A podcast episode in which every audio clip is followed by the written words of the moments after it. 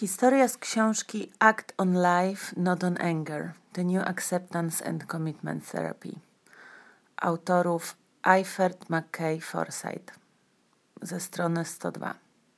Książkę można kupić na Amazonie i kosztuje 12 dolarów w wersji na Kindle.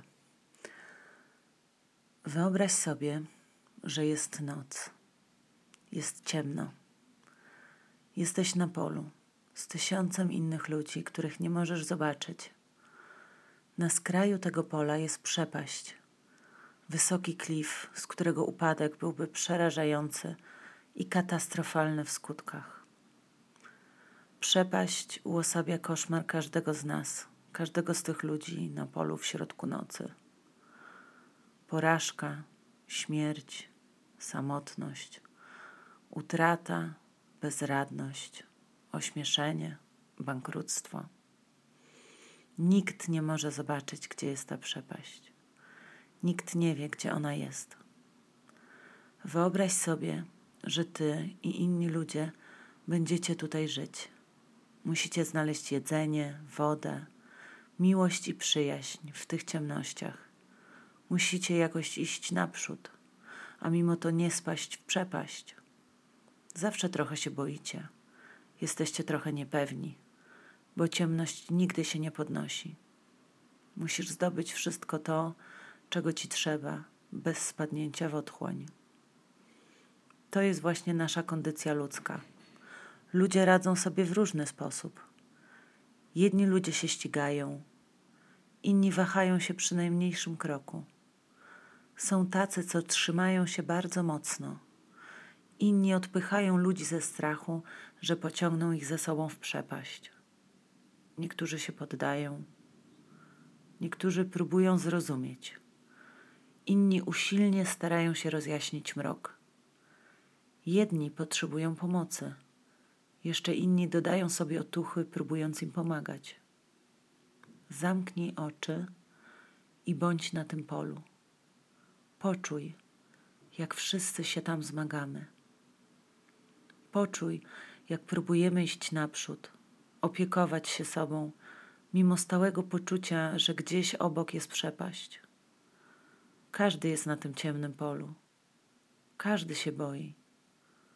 Każdy stara się najlepiej, jak tylko potrafi. Teraz pomyśl o kimś, na kim ci zależy. O partnerze, o przyjacielu, o dziecku.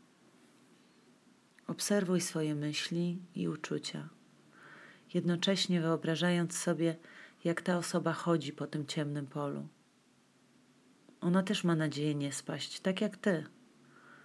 Uświadom sobie jej lęk i walkę. Być może poczujesz, że chcesz jej pomóc, być obok tej osoby, pocieszyć tą osobę. Te uczucia są ok. Trzymaj się tego obrazu i obserwuj swoje myśli i emocje, jak przychodzą i odchodzą. Teraz pomyśl o kimś, kto cię złości. Zaobserwuj oceniające myśli, które się pojawią. Obserwuj myśli i emocje, jednocześnie patrząc, jak ta osoba również błąka się po ciemnym polu. Ona również ma nadzieję nie spaść z klifu. Dokładnie jak ta osoba, którą się troszczysz. Uświadom sobie jej lęk i walkę. Czy jest inny od Twojego? Zatrzymaj się przy obrazie jej lęku i walki, jednocześnie obserwując myśli i uczucia. To może być trudniejsze, ponieważ nie lubisz tej osoby i mogą się pojawiać myśli oceniające. Mimo to staraj się trzymać w umyśle obraz lęku i walki tej osoby, zarazem obserwując swoje myśli i emocje. Zwróć uwagę, że w tym ćwiczeniu nie masz pozbywać się swojej złości czy osądów. Nie ma sensu zmieniać swojego doświadczenia. Doświadczenie jest takie, jakie jest. Nie zrobi ci krzywdy. To, co niezwykłe, to to, że dodajesz współczującą uważność do swojego doświadczenia. tak, że złość jest równoważona przez współczucie.